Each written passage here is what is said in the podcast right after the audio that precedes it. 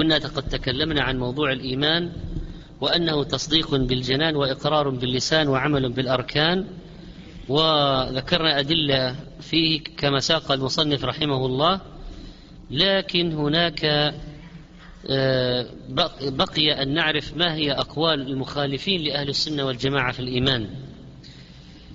الجهمية قالوا الإيمان هو المعرفة فقط فقط أن تعرف الله. طيب فرعون يعرف الله؟ نعم. وابو جهل؟ نعم. على مذهب الجهمية فرعون مؤمن وأبو جهل مؤمن. قول الثاني أن الإيمان هو التصديق فقط وهذا قول الأشاعرة. وعلى مذهب وعلى المذهب هذا المذهب ممكن يؤدي إلى القول بإيمان فرعون أيضا لأن الله قال عن فرعون وجحدوا بها واستيقنتها أنفسهم. إذا هم مصدقين في الحقيقة؟ نعم. فإذا قلت الإيمان بس التصديق ممكن يطلع فرعون مؤمن. يؤدي هذا القول إلى أن فرعون مؤمن. وقال بعضهم التصديق مع قول اللسان. يقولون هذا مؤمن وهذا قول مرجئة الفقهاء ما يسمى بمرجئة الفقهاء. وهذا غلط أيضا. تعريف ناقص. أما الكرامية فلهم قول عجيب. قالوا مجرد إقرار اللسان. هذا مؤمن. وبناء عليه يكون المنافقين على مذهب الكرامية مؤمنين. وأهل السنة والجماعة قالوا اعتقاد وقول وعمل. اعتقاد بالقلب قول باللسان وعمل بالجوارح. ما واحد ما عنده عمل أبدا لا صلاة لا زكاة لا صيام لا حج لا ذكر لا ما عنده عمل أبدا. هذا إنسان غير مؤمن ولا يمكن أن يكون مؤمنا. من الناس الذين وافقوا أهل السنة والجماعة إجمالا في التعريف الخوارج والمعتزلة لكن الخوارج ماذا قالوا؟ كافر إذا ارتكب الكبيرة. والمعتزلة قالوا ارتكب الكبيرة يخرج من الإيمان ولا يدخل في الكفر. وين راح؟ ما ندري. مفقود عند المعتزلة غير مفقود. ما لماذا انحرف هؤلاء المعتزلة والخوارج في مسألة الإيمان؟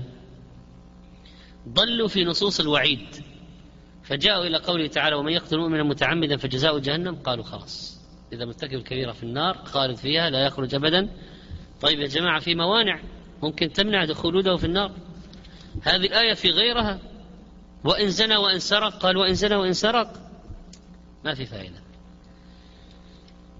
وقالوا طيب هذه الآية في القتل. قالوا بل كل الكبائر كل الكبائر مثلها. فهذا من أسباب ضلالهم. أخذ بعض النصوص في الإيمان وترك البعض الآخر. وترك البعض الآخر.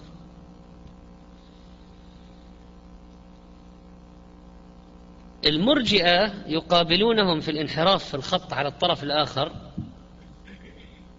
يقولون كما عرفنا مذهبهم لا يلزم التصديق بالقلب ولا عمل الجوارح. طيب لماذا قالوا الحديث؟ من قال لا إله إلا الله دخل الجنة. طيب ما لها شروط؟ لا إله إلا الله ما لها شروط؟ أي واحد يقول لا إله إلا الله بدون أي يعني أساس ولا أي تطبيق ولا هكذا يدخل الجنة؟ فضلوا بسبب أخذ نص وترك بقية النصوص. وأما أهل السنة والجماعة طريقتهم إعمال جميع النصوص. بعد ما ذكر المصنف رحمه الله مسألة الإيمان دخل في موضوع أشراط الساعة. ولا شك أن الإيمان بالآخرة واليوم الآخر من من مراتب الإيمان الستة أن تؤمن باليوم الآخر. فقال رحمه الله ومن ذلك أشراط الساعة مثل خروج الدجال ونزول عيسى بن مريم عليه السلام فيقتله وخروج يأجوج ومأجوج وخروج الدابة وطلوع الشمس من مغربها وأشباه ذلك مما صح به النقل. الأشراط جمع شرط وهو العلامة. والساعة لغة الوقت أو الحاضر منه والمراد بها هنا القيامة. فأشراط الساعة هي العلامات الدالة على قرب يوم القيامة. قال الله تعالى فهل ينظرون إلا الساعة أن تأتيهم بغتة فقد جاء أشراطها. وذكر المكلف من أشراط الساعة خروج الدجال. والدجال من الدجل وهو الكذب والتمويه. وشرعا هو رجل مموه مموه دجال ملبس في آخر الزمان يخرج يدعي الربوبية. خروجه ثابت. خروجه ثابت بالسنة والإجماع. كما قال النبي صلى الله عليه وسلم في حديث الاستعاذة من أربع كان يتعوذ منه في الصلاة.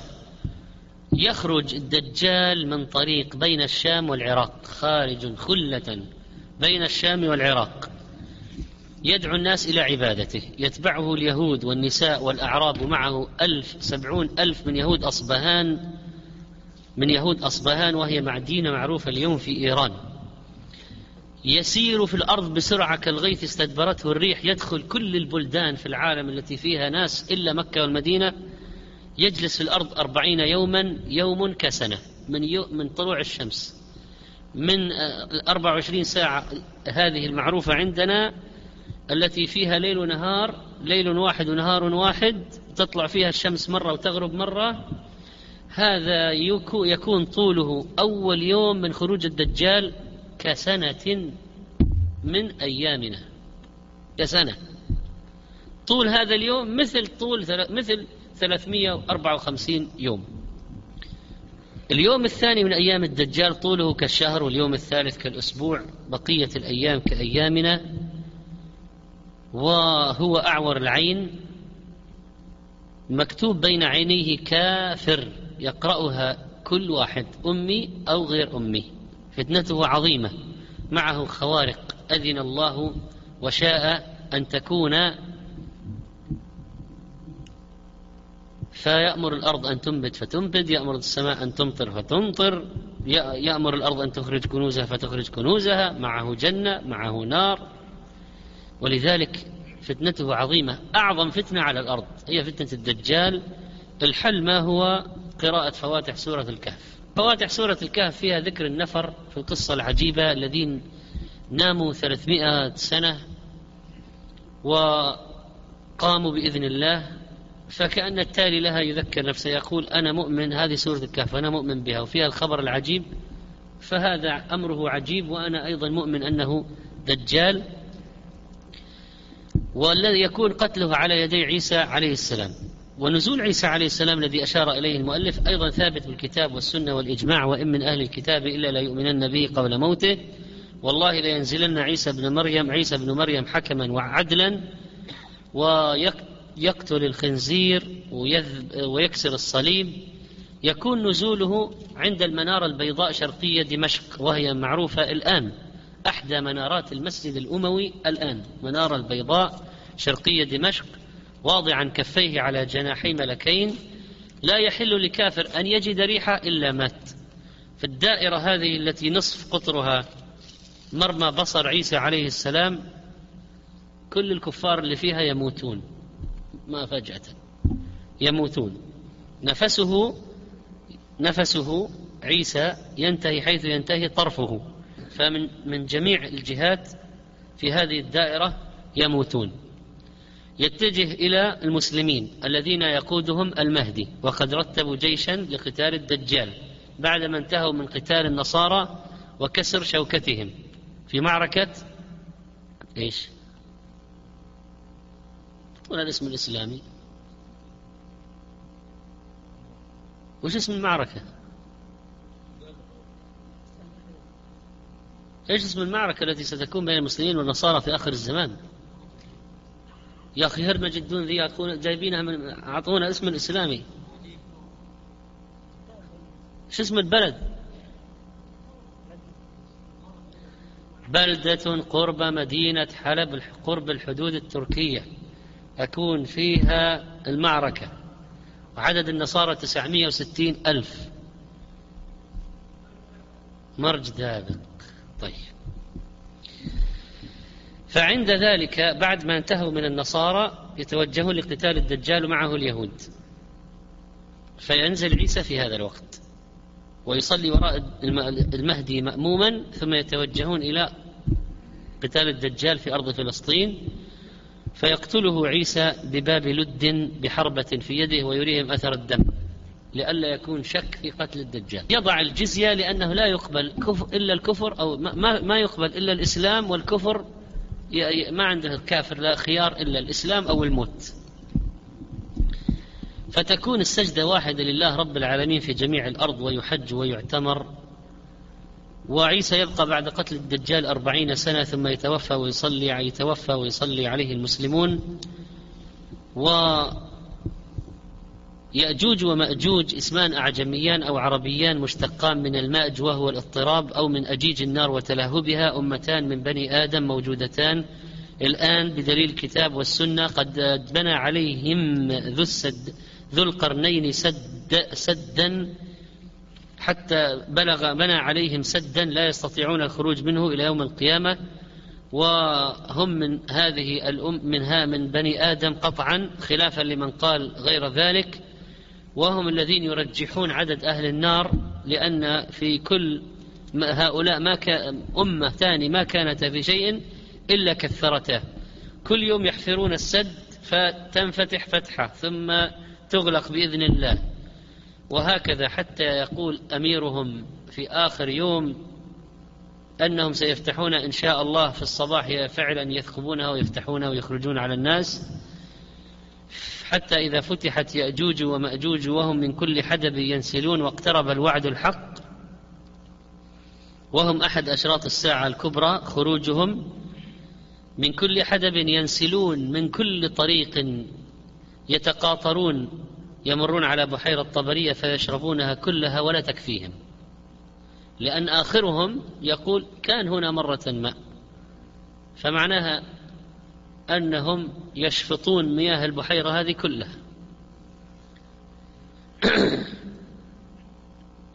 ثم تكون من فتنتهم أنهم يرفعون نشابهم إلى السماء فيرمون بسهام ترجع عليهم مخضبة بالدم ويقولون قهرنا أهل الأرض وعلونا أهل السماء ولا طاقة لأحد بقتالهم حتى عيسى عليه السلام. ولذلك الحل هو الانسحاب مثل ما انسحب خالد معركة مؤتة فينسحب عيسى بالمسلمين إلى جبل الطور ويتحصنون ويتحصنون به ويرسل الله دودا في رقاب هؤلاء القوم فتأكله فتأكلهم فيموتون يسقطون صرعى وتنتن الأرض من جيفهم ثم يأمر الله طيرا أن تأتي فتحمل هذه الجيف وتلقيها في البحر وتكون النهاية لهذه الفتنة فتنة يأجوج ومأجوج. وأما خروج الدابة فالدابة في اللغة كل ما دب على الأرض والمراد بها الدابة التي يخرجها الله قرب قيام الساعة وخروجها ثابت بالقرآن والسنة. قال الله تعالى وإذا وقع عليهم القول أخرجنا لهم دابة من الأرض تكلمهم أن الناس كانوا بآياتنا لا يوقنون. وهذه الدابة الله أعلم بمكان خروجها وردت أحاديث لكن ضعيفة في خروجها من الصفا. وتختم على كل واحد مؤمن أو كافر. وطلوع الشمس من مغربها ثابت بالكتاب والسنة يوم يأتي بعض آيات ربك لا ينفع نفسا لم تكن آمنت من قبل أو كسبت في إيمانها خيرا. وهذا هذا هو طلوع الشمس من مغربها المراد بالآية. وحديث النبي صلى الله عليه وسلم واضح في ذلك فإنه قال لا تقوم الساعة حتى تطلع الشمس من مغربها. فإذا طلعت ورآها الناس آمنوا أجمعون وذلك حين لا ينفع نفسا إيمانها. لم تكن آمنت من قبل أو كسبت في إيمانها خيرا متفق عليه. ثم قال رحمه الله تعالى وعذاب القبر ونعيمه حق وقد استعاذ النبي صلى الله عليه وسلم منه وأمر به في كل صلاة. وفتنة القبر حق وسؤال منكر ونكير حق والبعث بعد الموت حق. وذلك حين ينفق إسرافيل عليه السلام في الصور فإذا هم من الأجداث إلى ربهم ينسلون. فهذا الاختبار وفتنة القبر والامتحان بسؤال الميت عن ربه ودينه ونبيه. يثبت الله الذين آمنوا بالقول الثابت في الحياة الدنيا وفي الآخرة وأما هؤلاء المنافقين والكفرة فإن الله يضلهم فلا يجيبون حتى لو كانوا يعلمون الجواب في الدنيا. وهذان الملكان ينتهران ابن آدم ويسألانه ويقعدانه إقعادا إقعادا حقيقيا ويسألانه والله على كل شيء قدير وهو قادر على إقعاده ولو صار رمادا. المنكر والنكير ملكان أسودان أزرقان يأتيان الميت ويسألانه فتنة عظيمة تكون في القبر مظهرهما مرعب منظرهما مرعب الأسئلة بانتهار وقوة وشدة فالله يثبت المؤمن فيجيب. وعذاب القبر ونعيمه حق وقد قال الله تعالى فلولا إذا بلغت الحلقوم وأنتم حينئذ تنظرون إلى قول فأما إن كان من المقربين فروح وريحان وجنة نعيم وجاء حديث البراء بن عازب المشهور في قصة فتنة القبر وأنه يقال للمسلم الصادق الذي يجيب الإجابة الصحيحة أفرشوه من الجنة. صدق عبدي أفرشوه من الجنة ألبسوه من الجنة وافتحوا له بابا إلى الجنة. أما ذلك الكافر أو الفاجر فإنه يقال كذب عبدي أفرشوه من النار وافتحوا له بابا من النار فيأتيه من حرها وسمومها. لا يمكن أن تقاس أحوال الدنيا على أحوال الآخرة ولا أحوال الآخرة على أحوال الدنيا. ولذلك لو قال قائل فنية هذا فنية نقول لا. الله عز وجل يأتي به.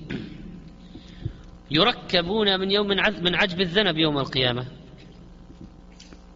وكذلك فإن عذاب الروح وعذاب القبر ونعيمه يقعان على البدن وعلى الروح معا. كما هو مذهب سلف الأمة وأئمتها أن العذاب أو النعيم يحصل لروح الميت وبدنه وبالتالي أي واحد يقول بخلاف هذا فهو ضال. فهو ضال. كما قال بعض هؤلاء في القنوات التلفزيونية. وجاب سرعة الضوء وكلام فارغ. هذا حق هذا وحي. لا سرعة الضوء ولا غير سرعة الضوء. الآن نحن أمام نصوص لابد من الإيمان بها. وأما النفخ في الصور فالصور القرن وهو قرن عظيم التقمه إسرافيل حق حقيقة. التقمه الآن وعيناه تنظران إلى العرش. وقد حنى جبهته حنى ظهره وينتظر لأن الذي يريد أن ينفخ يتأهب فينحني. فالآن الانحناء حصل من إسرافيل والالتقام حصل لهذا البوق القرن الصور. ينتظر فقط اللحظة أن يؤمر انفخ ينفخ. فإذا نفخ نفخة الفزع فزع الناس ثم نفخة الصعق يصعقون ويموتون ثم نفخة البعث. فيقومون من قبورهم كما جاء في الآيات ونفخ في الصور فصعق من في السماوات ومن فوق إلا من شاء الله ثم نفخ فيه أخرى فإذا هم قيام ينظرون ونفخ في الصور فإذا هم من الأجداث إلى ربهم ينسلون وهكذا.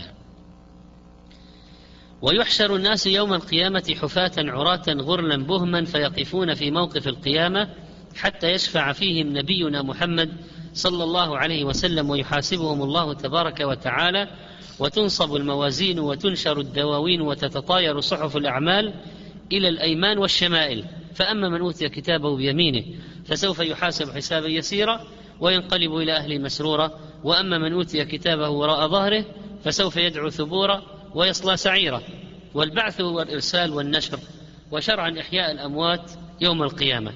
والحشر لغة الجمع وشرعا جمع الخلائق يوم القيامة لأجل الحساب والقضاء فيما بينهم. البعث والحشر حق ثابت بالكتاب والسنة وإجماع المسلمين. قل بلى وربي لتبعثن. إن الأولين والآخرين لمجموعون إلى ميقات يوم معلوم. يحشرون إلى أرض مثل سبيكة الفضة مثل المرآة ثقيلة جدا لامعة بيضاء مغبرة قليلا في اللون ليس فيها معلم لأحد لا انخفاض ولا ارتفاع ولا مكان يختبئ وراءه أحد إطلاقا. تبدل الأرض غير الأرض ويرجع الناس كما بدأنا أول خلق نعيده. ويبدأ الحساب وهو العدد وشرعا إطلاع الله عباده على أعمالهم. هذا الحساب. يطلعهم على أعمالهم ثابت بالكتاب والسنة والإجماع ثم إن علينا حسابهم. وكان من دعاء النبي صلى الله عليه وسلم اللهم حاسبني حسابا يسيرا. وفسره بأن ينظر في كتابه فيتجاوز عنه فيتجاوز عنه. ينظر في كتابه فيتجاوز عنه. فإذا سوف يحاسب حسابا يسيرا هذا العرض. أما نقاش الأعمال معذب الذي يناقش يعذب. وأما العرض الحساب اليسير يتجاوز الله عنه ويستر صاحبه فينجو. صفة الحساب للمؤمن كيف تكون؟ الكفار يناقشون واحد واحد يطول الموقف بهم. لكن المؤمن يخلو الله به فيقرره بذنوبه حتى إذا رأى أنه قد هلك بعد تعداد الذنوب هذه تأتيه المفاجأة السارة. سترتها عليك في الدنيا وأنا أغفرها لك اليوم فيعطى كتاب حسناته. أما الكفار والمنافقون فينادى بهم على رؤوس الخلائق هؤلاء الذين كذبوا على ربهم ألا لعنة الله على الظالمين؟ فيفضحون يوم المحشر. وهذا الحساب عام لجميع الناس إلا سبعين ألف معهم أعداد أخرى. يعلمها الله عز وجل منهم عكاشة بن محصن يدخلون محصن يدخلون الجنة بغير حساب ولا عذاب.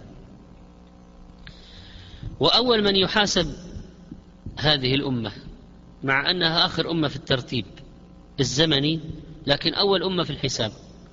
نحن الآخرون السابقون يوم القيامة المقضي بينهم قبل الخلائق متفق عليه. نحن آخر الأمم وأول من يحاسب. وأول الأشياء التي يحاسبون عليها الصلاة. إذا صلحت صلح سائر العمل. إن فسدت فسدت سائر العمل. هذا من أعمال الله. واللي بين العباد أول ما يقضى فيه في الدماء لعظم الدماء عند الله.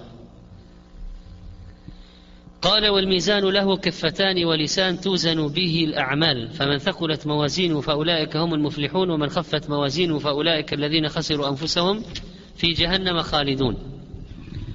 وهذا هذه الموازين تقدر بها الأشياء خفة وثقلا يضعها الله وينصبها يوم القيامة. كما دلت على ذلك القرآن فمن ثقلت موازينه فأولئك هم المفلحون ومن خفت موازينه فأولئك الذين خسروا أنفسهم في جهنم خالدون. وقال الله ونضع الموازين القسط ليوم القيامة. هناك كلي أعمال خفيفة على الإنسان ثقيلة في الميزان. كهاتان كهاتين الكلمتين سبحان الله وبحمده سبحان الله العظيم. وبطاقة فيها كلمة التوحيد قالها إنسان من قلب خالص جدا تزن سائر الأعمال السيئة وترجح بها. هل الميزان واحد أو متعدد؟ اختلف العلماء فقال بعضهم متعدد بحسب الأمم أو بحسب الأفراد أو الأعمال إنها موازين. كما جاء في النص موازين. وقال بعضهم هو ميزان واحد. وإنما جاء بلفظ الجمع باعتبار الموزون لا باعتبار الميزان. وكلا الأمرين محتمل والله أعلم. ما الذي يوزن في هذه الموازين؟ الناس أو الأعمال؟ قيل الأعمال وهذا ظاهر الآيات والأحاديث. وقيل الصحائف التي توزن. وقيل العامل نفسه الذي يوزن. لقول الله إنه لقول النبي صلى الله عليه وسلم إنه ليأتي الرجل العظيم السمين يوم القيامة لا يزن عند الله جناح بعوضة اقرأوا فلا نقيم لهم يوم القيامة وزنا. وقال بعض العلماء بالجمع بين النصوص إن الأعمال والصحائف والبشر يوزنون.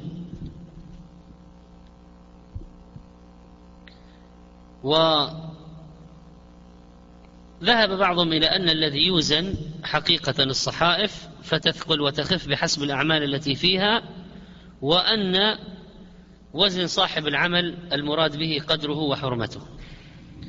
هناك دواوين تنشر غير الموازين. والديوان الذي ينشر بأن يفتح وتظهر الصحائف صحائف الأعمال ويتم توزيعها. الديوان الكتاب الذي يحصى فيه الجند. وتكتب أسماؤهم. فالديوان الصحائف التي أحصيت فيها الأعمال من قبل الملائكة وتنشر يوم القيامة وتتطاير.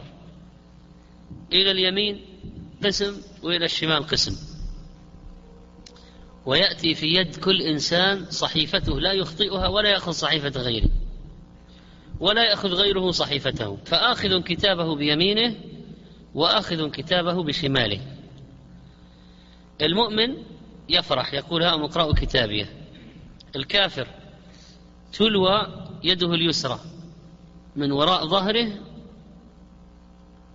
وتدخل يعطى كتابه بها ويقول نادما متحسرا يا ليتني لم أوت كتابيه ولم أدر ما حسابي وينادي بالويل والثبور. قال ولنبينا محمد صلى الله عليه وسلم حوض في يوم في القيامة ماؤه أشد بياضا من اللبن وأحلى من العسل وأباريقه عدد نجوم السماء من شرب منه شربة لم يظمأ بعدها أبدا. الحوض يطلق على مجمع الماء وهو شرعا يوم يوم الحوض الذي يكون يوم القيامة حوض الماء النازل من الكوثر في عرصات القيامة للنبي صلى الله عليه وسلم وهو قال أنا فرطكم على الحوض أسبقكم إليه وأنتظركم هناك الموعد عند الحوض هو حق كما تواترت به السنة الحوض مربع كما قال طوله شهر وعرضه شهر وزواياه سواء وهذا ما يكون إلا للمربع الحوض المربع آنيته كنجوم السماء وماؤه أبيض من اللبن وأحلى من العسل وأطيب من ريح المسك. يمد من أين؟ من ميزابين من الجنة يخرجان ومن نهر الكوثر. المادة تأتي وتصب في الحوض. فالذي يشرب هو يشرب في الحقيقة ماء نزل من الجنة. هو يشرب من ماء نزل من الجنة. النبي عليه الصلاة والسلام كشف له حتى قال مرة لأصحابه وإني والله لأنظر إلى حوض الآن. رواه البخاري. كل نبي له حوض ولكن حوض نبينا صلى الله عليه وسلم أعظم وأكثر ويتباهى بكثرة وارديه على باقي الأنبياء. كما جاء في الحديث إني إن لكل نبي حوضا وإنهم ليتباهون أيهم أكثر واردة وإني لأرجو أن أكون أكثرهم واردة. تعددت طرق هذا الحديث ولذلك صححه عدد من أهل العلم. والصراط حق يجوزه الأبرار ويزل عنه الفجار وهو الطريق والجسر الممدود على جهنم ليعبر الناس عليه. عبور الناس على الصراط هو المقصود بقوله تعالى وإن منكم إلا واردها فليس المقصود الدخول الورود بالدخول في النار ويتعذبون كلهم وإنما الورود هو المرور. هذا هو الراجح. فيضرب الصراط على جسر على الجسر على جهنم. إذا قبل ما ليس مضروبا لكن يوم القيامة يمد. وما في طريق إلى الجنة إلا بالمرور على النار. ما في طريق إلى الجنة إلا بالمرور على النار. هكذا أراد الله وشاء وقضى. ولا بد ما في وإن منكم إلا واردها فيضرب الجسر على جهنم وتحل الشفاعة. ويقول الأنبياء اللهم سلم سلم. هذول الأنبياء فكيف بغيرهم؟ وهذا الصراط كما أخبر النبي صلى الله عليه وسلم عن صفته أنه مدحض مزلة تنزلق عليه الأقدام. في خطاطيف كلاليب وحسكة مفلطحة لها شوكة عقيفاء تكون بنجد يقال لها السعدان. إذا شوك الخطاطيف كبير وعظيم مثل شوك السعدان غير أنه لا يعلم ما قدر عظمها إلا الله يخطف الناس بأعمالهم.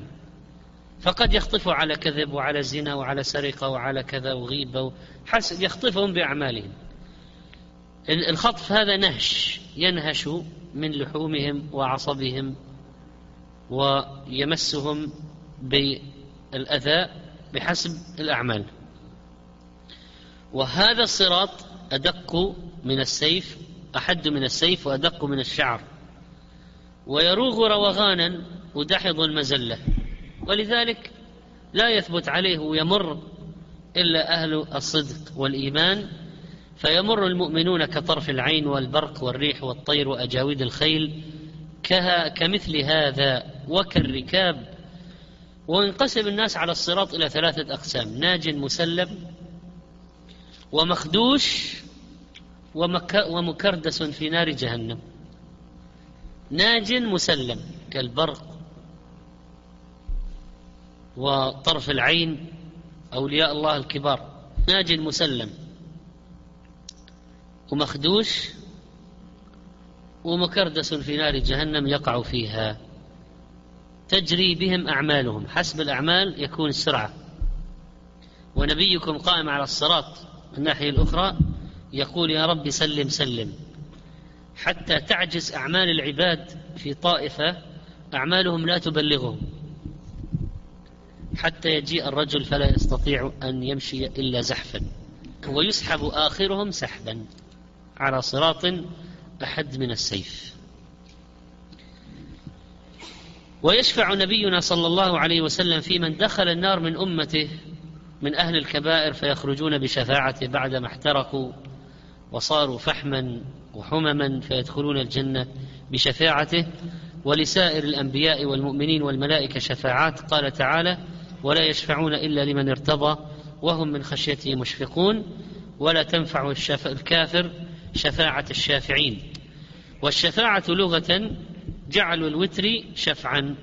جعل الوتر شفعا واصطلاحا هي التوسط للغير بجلب منفعة أو دفع مضرة.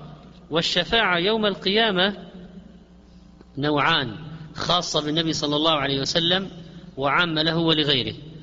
فالخاصة بالنبي عليه الصلاة والسلام أنواع. وهناك شفاعات أيضا يشترك غيره فيها. فأما شفاعته العظمى لأهل الموقف ليقضى بينهم بعد الغم والكرب العظيم هذه خاصة به وهذا هو الموقف الذي يحمده عليه الخلائق أجمعون. هذه الشفاعة حتى الخوارج والمعتزلة لا ينكرونها لكن كيف يقولون في الذين دخلوا النار من أهل الكبائر مخلدون في النار. فماذا يقولون في هذا إذن؟ إذا كانت شفاعته لأهل الكبائر وهم يقولون بخلود الكبائر في النار فكيف يقول ويخرجون من هذه الورطة؟ الشفاعة العامة في من دخل النار من المؤمنين أهل الكبائر أن يخرج منها أن يخرج منها بعد يخرج منها بعدما احترقوا وصاروا فحما. فهؤلاء لا يموتون فيها ولا يحيون. هؤلاء أهلها. أما الذين تصيبهم النار بذنوبهم فيحترقون حتى الموت. إذا الخالدون في النار الذين لا يخرجون لا يموتون.